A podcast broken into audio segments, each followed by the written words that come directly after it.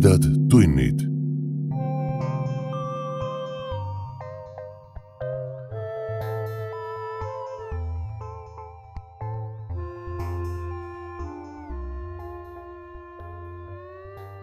tere, hea ulmesõber. sa hakkad kuulama viiendat osa meie suvisest järjejutust. ühtlasi on tegemist teise ja viimase osaga Maniakkide tänava ulmeloost Täheprogramm. kui sattusid siia juhuslikult, siis soovitame minna mõni osa tagasi ja kuulata ka eelmist juttu Koletis kosmoses. kõhedat kuulamist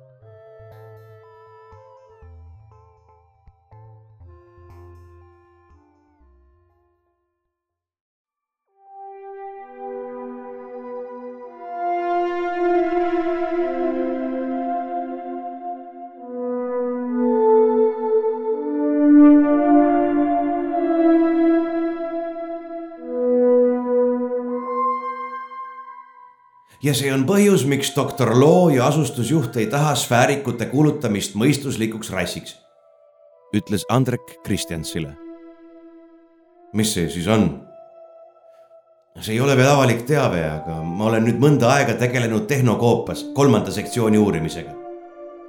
Andrek vaatas teiste poole, kes olid ruumi teises servas jutuhoos. ja ilmnes, et seda biomorfset ainet valmistab tehas ei millestki muust kui sfäärikutest. sissetungijad toodavad kohalikust eluvormist materjali, et asustada galaktikas uusi planeete. aga mis siis doktor Loo siia puutub? sa ju kuulsid tema ideed. ega see ei sündinud siin. ta on heietanud oma siseringis seda asteroidlaeva abil ekspansionismi juba mõnda aega kui aga sfäärikud kuulutatakse mõistuslikuks eluvormiks, siis mis sa arvad, kas on eetiline lasta tehasel neid edasi tappa? ja kui eetiline on neid veel omakorda inim-DNA-ga rikastada ja omakorda ära kasutada? eetiline oleks kogu asi seisma panna, ütles Kristjans. just nimelt, sellepärast doktor Loo ei tahagi sfäärikuid mõistuslikuks tunnistada. siis seisab kogu see asi meie õlgadel kui meie selle nimel vabatahtlikult tööd tegema ei hakka, siis midagi ka ei sünni. me peame minema avalikkuse ette. Andrek noogutas. kui sa tahad seda teha, siis peame seda tegema ruttu. miks? Andrek osutas doktor Loo seltskonna poole. ma arvan, et kuulsin sealt hetk tagasi sõnapaari riiklikult salastama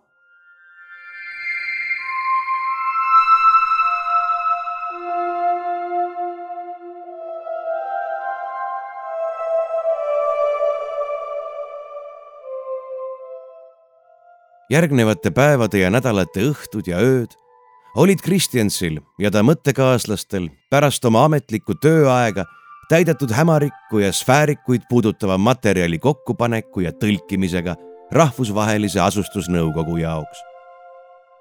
tõlkimise võttis enda peale Monta, kes oli prantsuse keeles, mis oli asustusnõukogu ametlik töökeel, kõige enam kodus Kristjansi väike korter muutus sfäärikute päästekomitee staabiks.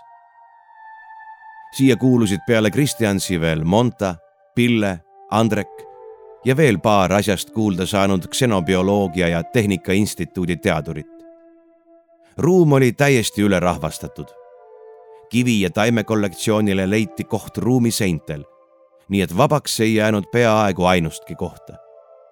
selline seinakate tekitas tunde et viibitakse mingis hämariku koopas, mitte aga inimkätega loodud hoones. samal ajal ettekande koostamisega püüti luua Kristjansi korteris oleva sfäärikuga sügavam kontakt. mitte eriti originaalselt pandi talle nimeks Samblik. kontakti loomiseks kasutati simulatsioone, nii Kristjansi Läti turismiinfovoldikut kui ka paljusid muid virtuaalseid maailmu ent ainus reaktsioon, mis samblapallilt saadi, oli ikka ühe ja samasugune info, ühel ja samal teemal. simulatsioonis olijad kogesid erinevaid tahke hämariku vallutamisest struktuurikute poolt. kuigi palju uut infot see ei andnud, kuid paar olulist salvestust siiski saadi. Need käisid tehnokoopa ehitamise ja sealse masinavärgi loomise kohta. Sealt saadud teadmised anti edasi teistele uurimisgruppidele, kes tegelesid ehitatava asteroidlaeva ja biomorfmaterjali uurimisega. ma hakkan juba ise ka kahtlema, kas see olevus on ikka mõistuslik, arvas Kristjans ühel õhtul, kui nad olid Montaga kahekesi jäänud. see oli haruldane kord sest viimasel ajal olid mitmed päästekomitee liikmed jäänud müraka juurde ööbima. Pigem on ta ehk tõepoolest masin, mis annab tuimalt edasi ühte ja sedasama sõnumit. tuim see materjal kindlasti ei ole, mida ta annab. see on vägagi emotsionaalselt tähtis info, vaidles Monta vastu. no aga ta võiks ju püüda meiega mingilgi viisil suhelda praegu ta lihtsalt saadab meile, mida heaks arvab, ega vasta ühelegi muule sisendile. anna aega enne sügavamate järelduste tegemist. võõrapärase mõistusega kontakti saamine ei ole päevade, vaid aastate ehk isegi aastakümnete pikkune ettevõtmine. intelligentsed olendid võiksid ju natukenegi üksteisest aru saada. võib-olla ei ole me piisavalt intelligentsed isegi instituudis tööl olles unustas Kristjansen tihti hoopis päästekomitee asjadega tegelema. Õnneks ei hoolinud doktor Loo, millega Kristjans oma aega täidab, püüdes ignoreerida tema olemasolu kuidas iganes võimalik. seetõttu avastas Kristjans ühel hetkel eneselegi täiesti ootamatult end ühelt geneetikute koosolekult, kui tal oli vaja Montaga rääkida. ta sisenes vaikselt ruumi ja vaatas otsivalt ringi paar toolirida eemal märkas keda otsitavat ja libistas end tema kõrvale. paar märksõna riivasid seda tehes Kristjansi tähelepanu ja ta kikitas jalamaid kõrvu. mis toimub? küsis Kristjans sosinal Montalt. ajurünnak biomorf inimese omaduste üle, sosistas see vastu. üks assistentidest kaks rida eespool tõstiski käe antud humanoidil võiks olla kõrgendatud vastupidavus võõrviirustele ja bakteritele. mina soovitaksin isegi, et kui kahjulikud viirused ja bakterid satuvad antud üliinimese kehaga kontakti, siis suudab keha neid niiviisi rünnata, et muudab need viirused ja bakterid endale kasulikeks. see on hea, noogutas doktor Loo. veel kellegi ettepanekuid? teine käsi tõusis üliinimene võiks suuta kohandada oma hingamist vastavalt erinevatesse gaasikeskkondadesse sattumisel. nii et suudab taluda väga suuri kõikumisi gaaside koostises, suutes niiviisi hingata ka muidu mürgistes keskkondades. väga hea, väga perspektiivikas suund. immuunsüsteem, alustas kolmas. radiatsioon, katkestas neljas. ükshaaval, palun. noh vähemalt asjad liiguvad ka siin rindel, sosistas Kristjans. viimaks saadi ühel ööl ettekanne valmis. kuigi neil ei olnud kindlaid tõendeid, viitasid nad siiski suurele tõenäosusele, et sfäärikud võivad olla arukas rass. see otsustati saata samal ajal korraga nii meediasse kui asustusnõukokku. loodeti, et kui saavutatakse piisav avalikkuse toetus, siis annab sellega mõjutada asustusnõukogu otsust. Ettekanne läks teele ja nüüd möödusid päevad kannatamatus ootuses, millal tuleb kokku järjekordne asustusnõukogu istung. päästekomitee hämmastuseks ei prahvatanud uudis sfäärikute võimalikust intelligentsusest sugugi nii suure pommina, nagu nad lootnud olid. videod hämariku minevikust äratasid küll mõningast tähelepanu sellest läksid liikvele mitmed meemid ja komitee liikmetega võtsid kümned inimesed ühendust, kuid suuremat rahvaliikumist sfäärikute kaitseks ja toetuseks ei tekkinud. aga see on ju sensatsioon. ma ei saa aru, kuidas see inimesi ei huvita. see huvitab inimesi, aga vaid põgusalt.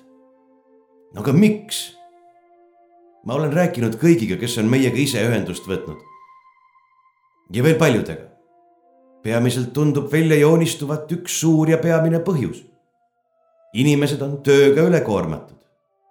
Neid huvitab ja nad tahaksid sellest rohkem teada, kuid nad ei saa või ei jaksa sellega liiga palju tegeleda või süveneda.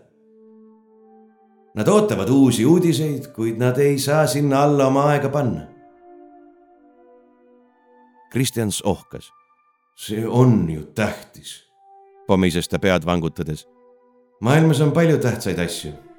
nagu, mis võiks sellest avastusest tähtsam olla? saada meie koloonia siin tööle. me ei ole siin jumala armust ja meie söök ja hapnik ei tule laost. no aga, ah Kristjans lõi käega. tol päeval, kui nõukogu kokku tuli, istus kogu sfäärikute päästekomitee Kristjansi pool nagu süte peal.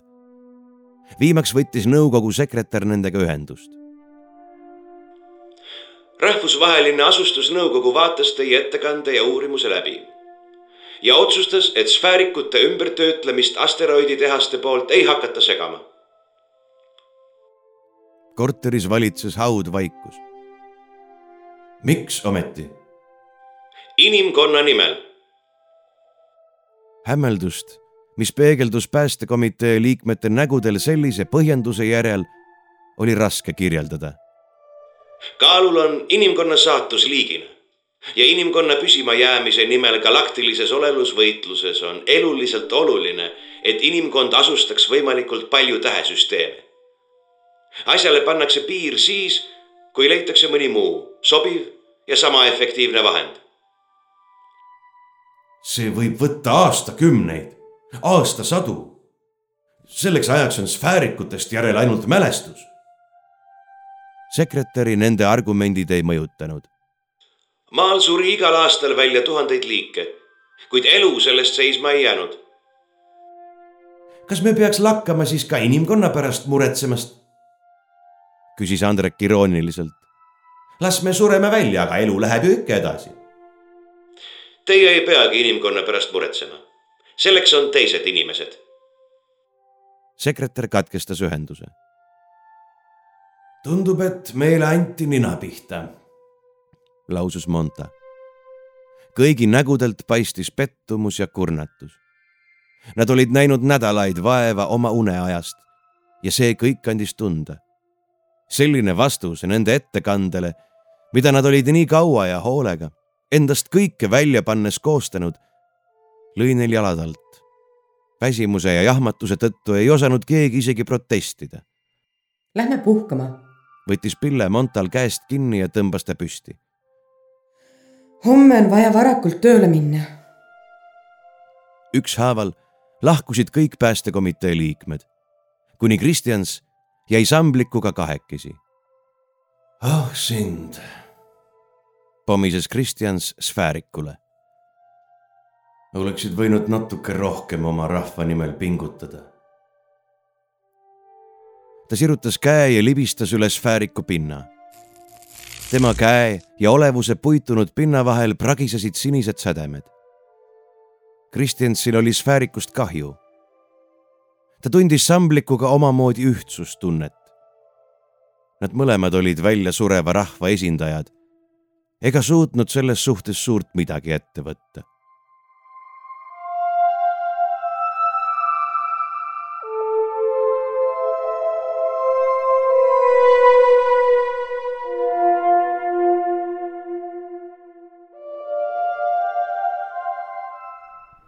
ühel õhtul, kui Andrek oli laboris oma tööriistakoti laiali laotanud ja paigaldas uut ultratsentrifuugi, töötas temast kümmekond sammu eemal Kristjans, kes asendas rikki läinud laborirobotit ja pipeteeris masinlike liigutustega sadu ja sadu biomorfi proove katseklaasidesse. Nad olid alustanud paar tundi tagasi oma töid nalja ja naeruga. kuid jõudes tagasi päevateemade juurde, tõmbus Kristjans taas aina enam tusaseks ja Andrek muutus delikaatsetele teemadele jõudes samuti kidakeelsemaks. nüüd viimaks oli ta teatanud Kristjansile peale rõõmustavat teadet ka uudise, mida oli juba ette teada, et see viib meeleolu alla. Läti on mitmes, kordas Kristjans jahmunud häälega. viimane. müraka käsi seisis kammipipetiga kõrgel ja liikumatult ning selle otsast tilkus labori lauale biomorfi rakuvedelikku. miks viimane? konsiilium analüüsis võimalikke stsenaariume ja leidis, et pole mõistlik laadida ühele laevale rohkem kui ühe rahvuse kultuurilist pärandit. esiteks on andmeruum piiratud, kuid mis veel olulisem, see läheks loodavatele uusinimestele liiga keeruliseks ja omavahelised kultuurilised vastuolud ja võimalikud sõjad oleksid liiga tõenäolised. kindlam on eraldada iga planeet eri rahvusele. eeldus on, et selleks ajaks, kui nad saavutavad kosmoselennu võimekuse, on nad ka võimelised koostööks teiste kultuuridega. ja miks Eesti on esimeses laevas? Eesti on esimene, kuna Eesti teadlased avastasid, mina avastasin. mina leidsin maa-aluse tehase ma ei ole eestlane, ma olen lätlane. Kristjansi hääl tõusis ja ta virutas pipeti kolinal lauale, nii et katsetuubid kolisesid. Andrek ja Kristjans vaatasid teineteisele pikalt otsa. kas sa pead seda õiglaseks? küsis Kristjans. pärast pikka vaikuse viivu raputas Andrek pead. ei, ma ei pea seda õiglaseks aga sa pead seda õigeks. Andrek ohkas, vaatas hämariku lõputus öös hiilgava linna lugematuid valgusteid ja vastas alles pärast väga pikka pausi. jah, ma pean seda õigeks. miks? kuidas see sinu meelest õige on? kui Andrek pööras oma pilgu tagasi Kristjansi poole oli ta pilgus kindlus, mida seal enne ei olnud. ja ta ei soovinud enam lõpututele küsimustele vastata ja ta asus ise rünnakule. aga miks sulle ei meeldi, et Läti viimane on? sest ühe laeva ehitamine võtab praeguste prognooside järgi aasta aega. euroliidus on kolmkümmend enklaavi.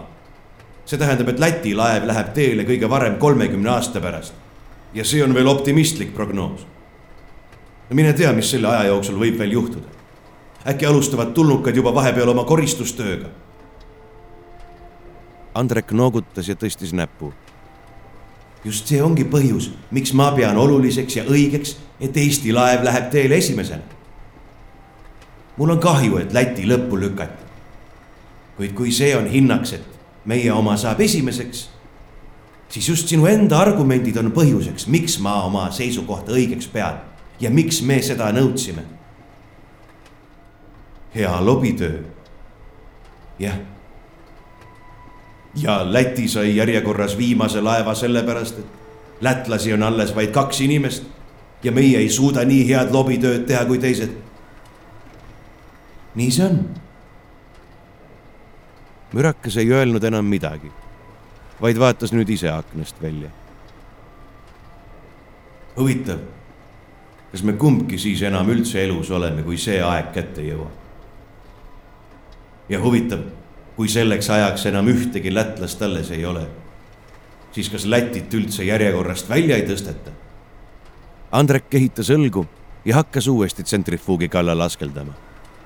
mürakas aga jäigi aknast välja vaatama. tema tööind oli raugenud. naljakas me oleme kõik ühesugused inimesed. Eesti ja Läti geneetiline materjal on ju põhimõtteliselt sama, üksteisest eristamatu. ja kumma oma saadetakse kaugele planeedile, seal pole vahet. bioloogiline inimene, kes seal selle baasil luuakse, on meie mõlema rahva jaoks identne. kuid mingid vanad maakultuurilised erisused panevad meid omavahel tülitsema ometi on maa meist valgusaastate kaugusel. ja me kumbki pole iial selle pinnale jalga saanud ja ei satu iialgi. Andrek heitis mürakale kõverpilgu. sa võta oma pipetid jälle kätte. muidu sõidab sinna kaugele planeedile see biomorf üksi. ja meie tülil pole üldse mitte mingisugust mõtet. kuid Kristjan seisis veel kaua mõtlikult akna juures vaadates, kuidas kondensvesi voolas atmosfäärijaama kollektoritest välja ning kadus mustava lindina mööda kunstlikku sängi taimekasvatusjaama poole. aeg-ajalt pomises ta endale midagi nina alla, kuni viimaks noogutas endamisi ja aeglaselt oma tööjärje juurde tagasi pöördus.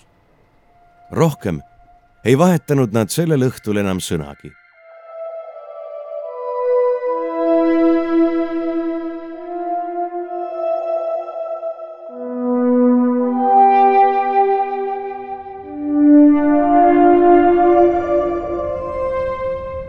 taaskord värises maa ja kogu instituudi rahvas oli end kinnitanud spetsiaalsetesse maavärina-toolidesse.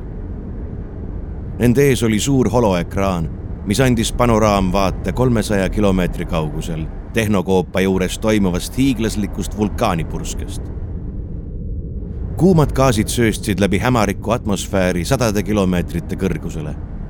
maa lainetas tehnokoopa kümnekilomeetrise avause ümber ja suitsu ning tule saatel kerkis sealt üles kivise kestaga asteroid kosmoselaev. kogu instituudi rahvas hõiskas ja huilgas, kui laev kõrgust kogus aina üles ja üles ilmaruumi avaruse poole. selle aja peale, kui laev kosmosepimedusse kadus, lõppesid ka järeltõuked ja teadlaskond vabastas end turvaistmetest. nüüd valati kõigile täis pokaalid kihiseva joogiga ja kõnepulti asusid järgemööda asustusjuht, rahvusvahelise asustusnõukogu esindajad ja paljud muud asjamehed, kes pidasid ülistavaid kõnesid Eesti teaduse auks. viimaks võttis sõna doktor Loo. nüüd võime viimaks öelda, et eestlased on saanud suureks lisaks oma vaimule ka arvult. kui asteroidlaev ükskord oma sihtpunkti jõuab, sihtplaneedi ära terraformib ja kasvatab üles esimese põlvkonnad ulgueestlasi siis ei sure meie sugu enam kindlasti mitte iialgi välja. elagu Eesti! karjuti rahva seast ja mitmel pool lehvitati väikeste sinimustvalgete lippudega. doktor Loo astus kõnepuldist alla ja lõi suuremeelsushoos oma pokaali kokku ka Kristjansiga. see on suur päev Eesti rahvale. me oleme teinud ajalugu, lausus ta. mürakas naeratas nukralt palju õnne. kõnepulti astus rahvusvahelise asustusnõukogu esindaja, kes voolavas prantsuse keeles, mida vaid üksikud mõistsid, samuti pika kõne pidas. Vive la Estonie! hüüdis rahvas kaasa, kui nad vahepeal tuttavaid sõnu kuulsid. doktor Loo juurde astus üks ähmis näoga assistentidest. vabandust, et ma segan, lausus ta palju õnne suure päeva puhul. ja doktor Loo haaras ühelt lauakeselt pokaali, surus selle assistendile pihku ning lõi temaga kokku. assistent vaatas oma käes olevat pokaali arusaamatust väljendava näoga, taipas siis ilmselt, mille puhul õnne sooviti ja noogutas. jah, aitäh teile ka, aga äkki saaksite korraks üles tulla? üles? imestas Loo. jah meil on väike probleem, äkki saate vaatama tulla? nüüd siis, kohe praegu. kas sellega ei anna oodata? assistent kummardus tema kõrva kohale ja sosistas midagi.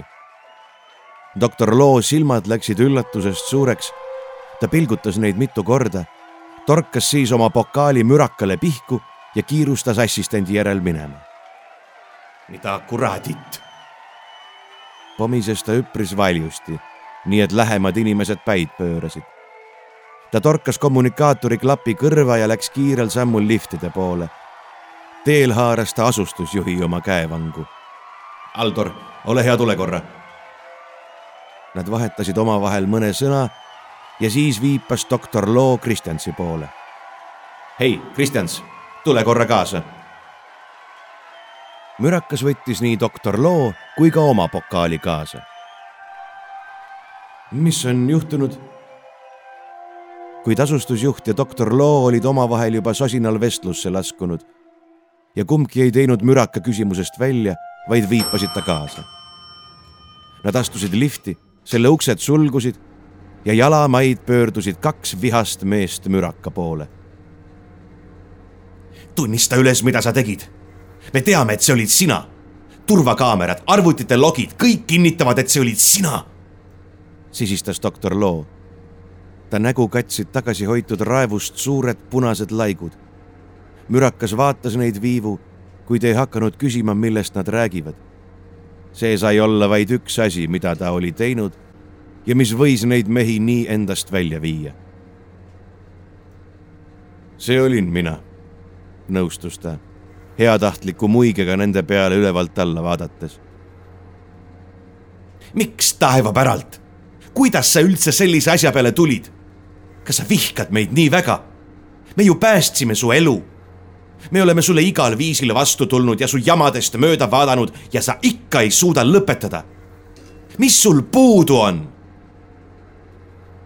ma ei vihka teid. ma olen oma päästmise eest väga tänulik. aga minu kohus on päästa ka mu oma rahvas. sa Läti värdjas käratas asustusjuht, kuid mürakas tõstis käe. valige sõnu ja mõelge hoolega järele, kas te mitte iseennast ei sõima. Teie taga on terve suur süsteem, on instituudid, asustuskeskused, on kogu rahvusvaheline asustusnõukogu ja kohalik õigussüsteem. minu selja taga ei ole midagi. peale ühe asja. minu selja taga on tuhanded aastad Läti kultuuri doktor Loo toetas end lifti seinale, et mitte pikali kukkuda.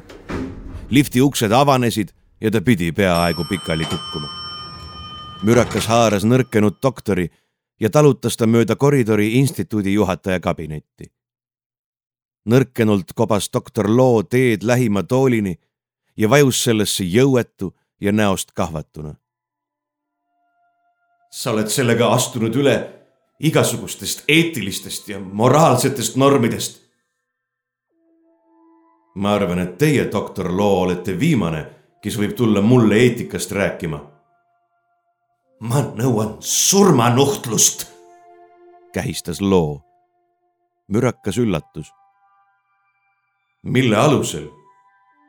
oma teoga määrasid sa miljonid eestlased surma ma ei ole neid surma määranud.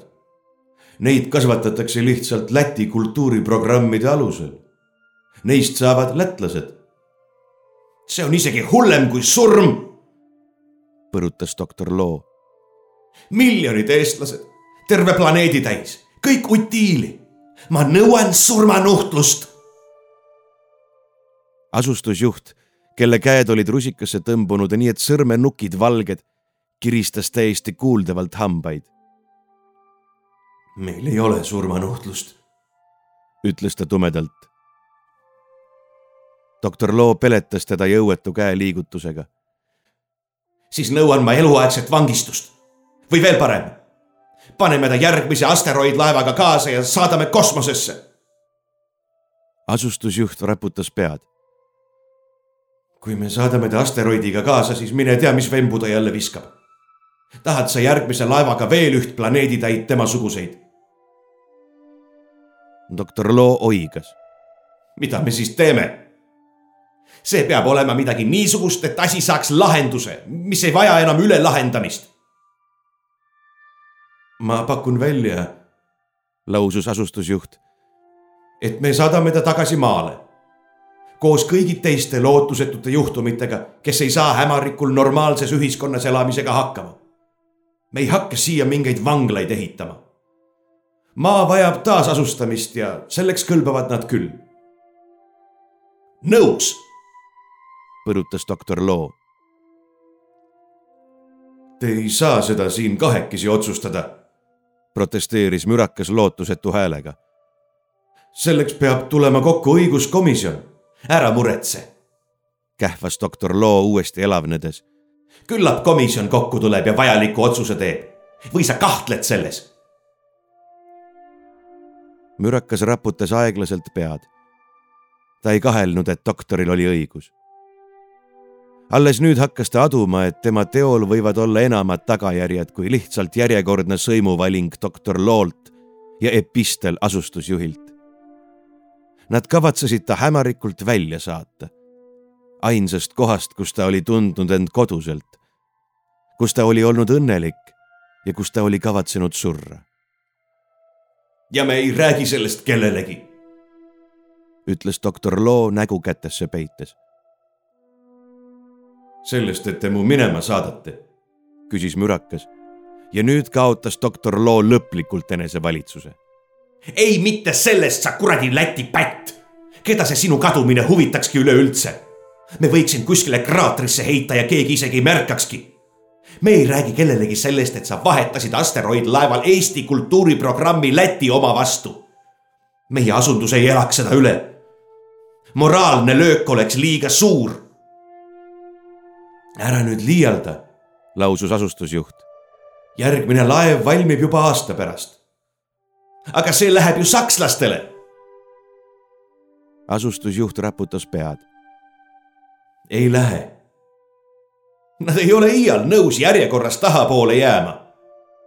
me ei küsigi nende käest. raske aeg nõuab raskeid otsuseid. Kristjans ja doktor Loo vaatasid asustusjuhile jahmunult otsa. mida sa tahad sellega öelda? küsis doktor Loo.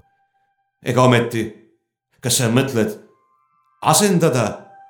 jah, muud varianti ei ole Kristjans oli jahmunud. ta ei osanud oodatagi, et asustusjuht on võimeline millekski selliseks, sellest samaks. kuid veel rohkem jahmus ta, kui doktor Loo lausus vähe aja pärast mõtlikult. ega keegi ju kontrollida ei saa, kui me ka kõik ülejäänud. ta vakatas ja vaatas võpatades müraka poole kui te mind minema ei saada, siis ma ei ütle kellelegi midagi, ütles mürakas ruttu. doktor Loo silmad tõmbusid jalamaid pilukile ja ta nägu muutus taas lapiliseks. terroristidega me läbirääkimisi ei pea. kui sa ei taha väljalennuni üksikvangistuses istuda, siis hoia heaga suu kinni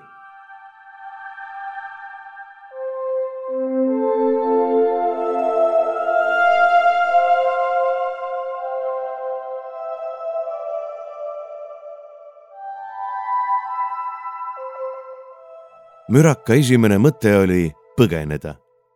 kiiresti, kaugele ja kohe. kuid ta sai üsna kiiresti aru, et see ei õnnestu. talle pandi käe külge jälitusvõru ning keelati Koidu linnast lahkuda.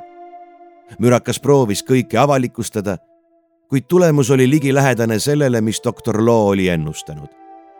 vähesed uskusid teda seepeale püüdis Kristjans kolm korda Kõnnumaale pageda kuid iga kord ilmus korravalve hõljuk veel enne, kui ta jõudis isegi linna serva. kahel viimasel korral tunti ta tänaval ära ning veel nii kehvasti, et need olid inimesed, kes uskusid, mida ta oli rääkinud. mürakas oleks seetõttu äärepealt peksa saanud, kui korravalve ei oleks õigel ajal jaole saanud. viimaks pandi mürakas koduaresti. ta võttis sealt jalamaid kõne asustusjuhile kui kaua te kavatsete mind siin toas kinni hoida? nõudis ta. väljalennuni. kuna see toimub? mitte enne kui aasta pärast. Estoniat ehitatakse praegu ümber teaduslikuks avastuslaevaks. selle krüogeenmagalatest muudetakse suurem osa laboratooriumiteks ja juht ning teaduslik meeskond alustab hetkel oma lisaväljaõpet. lennu ajal tagasi maale on sellel planeeritud tuhandeid eksperimente ja uuringuid aga ära muretse, igav sul ei hakka. ka sulle on õppeplaan juba paika pandud? unustage ära. ma kavatsen seekord veeta lennu külmaunes.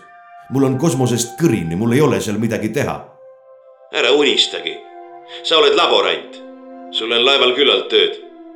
selle aasta jooksul, mis sa koduarestis viibid, on sulle ette nähtud läbida täiendõpe. selle aasta jooksul mis Kristjans koduarestis viibis, võimaldati talle siiski suurem korter kui senine ühetoaline kamber. ta sai oma valdusesse viietoalise korteri, kus oli üks tuba eraldi sfääriku jaoks, keda ta vabast ajast uuris ja kontakti püüdis arendada. samal ajal õppis ta uusi oskusi oma kosmosereisi ajaks ja mürakale eneselegi imestuseks oli tal tegemist nii palju, et ta tundis end tihtilugu surmväsinuna ta ei olnud ka ühiskonnast täiesti eraldatud. päästekomitee liikmed käisid endiselt regulaarselt tema juures ja arutasid päevateemasid. ainus, kes ei tulnud, oli Andrek. tegelikult hakkas mürakas viimaks laeva saamist lausa ootama. ta tervis, mis oli mõnda aega tänu meditsiinipingutustele stabiilsena püsinud, hakkas viimaks siiski planeedi raskusjõus järgi andma. Arstid kinnitasid, et ta peab viivitamatult keskkonda vahetama ja kaalutus on ta tervenemiseks hädavajalik. aegamööda hakkas mürakas neid uskuma. ta ei tahtnud surra kuid kui tal hakkas tekkima juba raskusi mööda korterit ringi liikuda, kippusid ta mõtted tihtipeale surma poole kalduma. ta tõrjus need mõtted alati kiiresti minema. ei, ma ei anna alla, kinnitas ta endale, mitte iial. Viimasel õhtul enne Estoniale sõitmist külastasid mürakad taas Monta ja Pille. üllatuslikult ilmus ukse taha ka Andrek. see oli praegu esimene kord pärast nende tüli laboris, kui nad uuesti kohtusid. noh, Läti pätt. tahtsin sulle teele veel mõne hea sõna kaasa öelda. müraka nägu valgus naeratust täis. no tule ütle jah. Äkki oleks üldse parem, kui me loobuksime kõigist rahvustest ja saaks sellega kaasnevast jamast lahti? küsis Pille, kui nad olid esimese ringi teemasid läbi arutanud kuidas sa seda ette kujutad? loobuksime rahvustest? imestas Monta. noh, et oleks lihtsalt üks ühtne inimkultuur, mitte kümneid erinevaid ja omavahel võistlevaid kultuure. Andrek raputas pead. ja kuidas see loobumine käiks? Valime ühe kultuuri välja, mida hakkame propageerima ja keelame ülejäänud. ma ei tea, loome äkki uue, kus on kõik teised ka sees ja sa arvad, et sellest ei tule lobitööd, kisa ja hammaste kiristamist, et kelle keel või rahvuslikud elemendid need sisse lähevad või olulisemale kohale saavad. pealegi kultuuri ei looda lihtsalt niisama käsu peale. see sünnib koos keskkonnaga ja areneb koos ühiskonnaga ja saavutab küpsuse koos ajalooga. pealegi, kui me ka siin hämarikul loome uue ühtse kultuuri ja saadame selle koos asteroidlaevadega teistele planeetidele siis areneb see seal ikkagi hoopis isemoodi rada kui meil siin. kultuurilised erinevused tulenevad paljuski ikkagi eraldatusest. ja kosmos on väga hea eraldaja. veel palju parem eraldaja, kui kunagi maal olid sood, jõed, metsad, mäed ja ookeanid. huvitav, milliseks areneb see Läti, mille poole asteroid üks praegu teel on? küsis mürakas vaikselt kindlasti hoopis teistsuguseks, kui sa oskad ette kujutada. küllap vist. müraka viimasel ajal muidu nii nukrat nägu valgustas tasahilju tekkiv vaikne naeratus. Ma arvan, et ma tahan seda näha. ma arvan, et ma lähen ja vaatan. Monta kergitas kulme. mis mõttes? see laev on ju juba läinud tema sihtpunkt on kümnete valgusaastate kaugusel ja me ei tea isegi, kus täpselt. praegu oskame öelda vaid üldise suuna. ja sina lähed ju üldse maale. või kavatsed sa laeva ärandada? jah, mind saadetakse praegu maale. kuid praegu ei ole ju ka olemas seda tuleviku Lätit. minult on võetud mu kaasmaalased. nüüd võetakse minult mu koduplaneet kuid see kõik ei loe. ma olen loonud omale uue koduplaneedi ja ükskord ootavad mind seal ka uued kaasmaalased. ma ei jää maale. ma uurin välja, kuhu asteroid üks läheb, leian oma laeva ja kaaslased ja lähen talle järgi. Andrek vaatas teda uskumatu näoga. kui see on sinu soov, siis muidugi. miks mitte inimesel peab ju mingi unistus olema. ja veel, ma võtan sambliku endaga kaasa. mida? mürakas noogutas. keegi peab ka sfäärikutele pakkuma võimaluse muutuda mitme planeedi liigiks ja mitte välja surra. äkki maa ookeanid sobivad neile? sa isegi ei tea, kuidas nad paljunevad. tean vastas mürakas. nii palju suutsin ma oma viimastel nädalatel temast välja pigistada. ja tal oli hea meel minuga kaasa tulla. kõrbeplaneet, nagu hämarik praegu on, ei sobi sfäärikutele mugavaks elamiseks. Ta tunneb end siin samamoodi, nagu mina tundsin end kosmoses. ja kuidas sa end seal tundsid? nagu sfäärik kõrbehämarikul lahkumisel vaatas Andrek toanurgas oleva sambliku poole. ma soovitaksin sul oma ümariku sõpra vahel ka kasta. lõppude lõpuks on ta ju vee olevus. mürakas kehitas õlgu. Mis rõõmu võiks talle teha tilk vett, kui ta on harjunud ujuma maailma ookeanis. Andrek seisatas. ma soovitaksin sul siiski proovida instituudis sfäärikute uuringutega tegelevad poisid pistsid igatahes nad pärast sinu simulatsioonisalvestuste vaatamist üleni vette. tulemused, kuigi neid ei ole hetkel turvalisuse kaalutlustel avalikustatud, olid hämmastavad. Mürakas kergitas kulme. mis siis juhtus?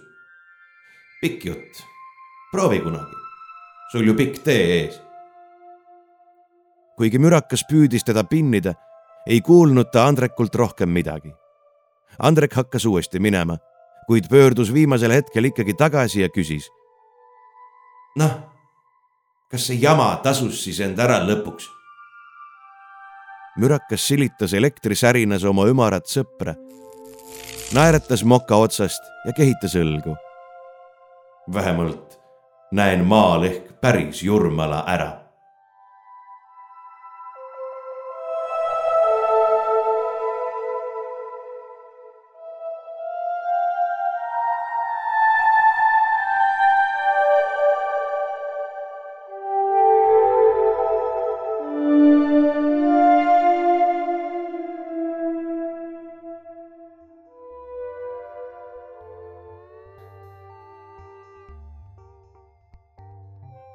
Te kuulsite viiendat osa meie suvisest järjejutust ja ühtlasi viimast osa Maniakide tänava ulmeloost Täheprogramm. järgmisel nädalal jätkuvad Kristjansi seiklused Laura Loolaiu ulmeloos Rahvaloendus. kui sa ei malda nii kaua oodata, mine lehele patreon.com kaldkriips tumedad tunnid ja kuula tervet juttu juba praegu. kõhedate kuulmisteni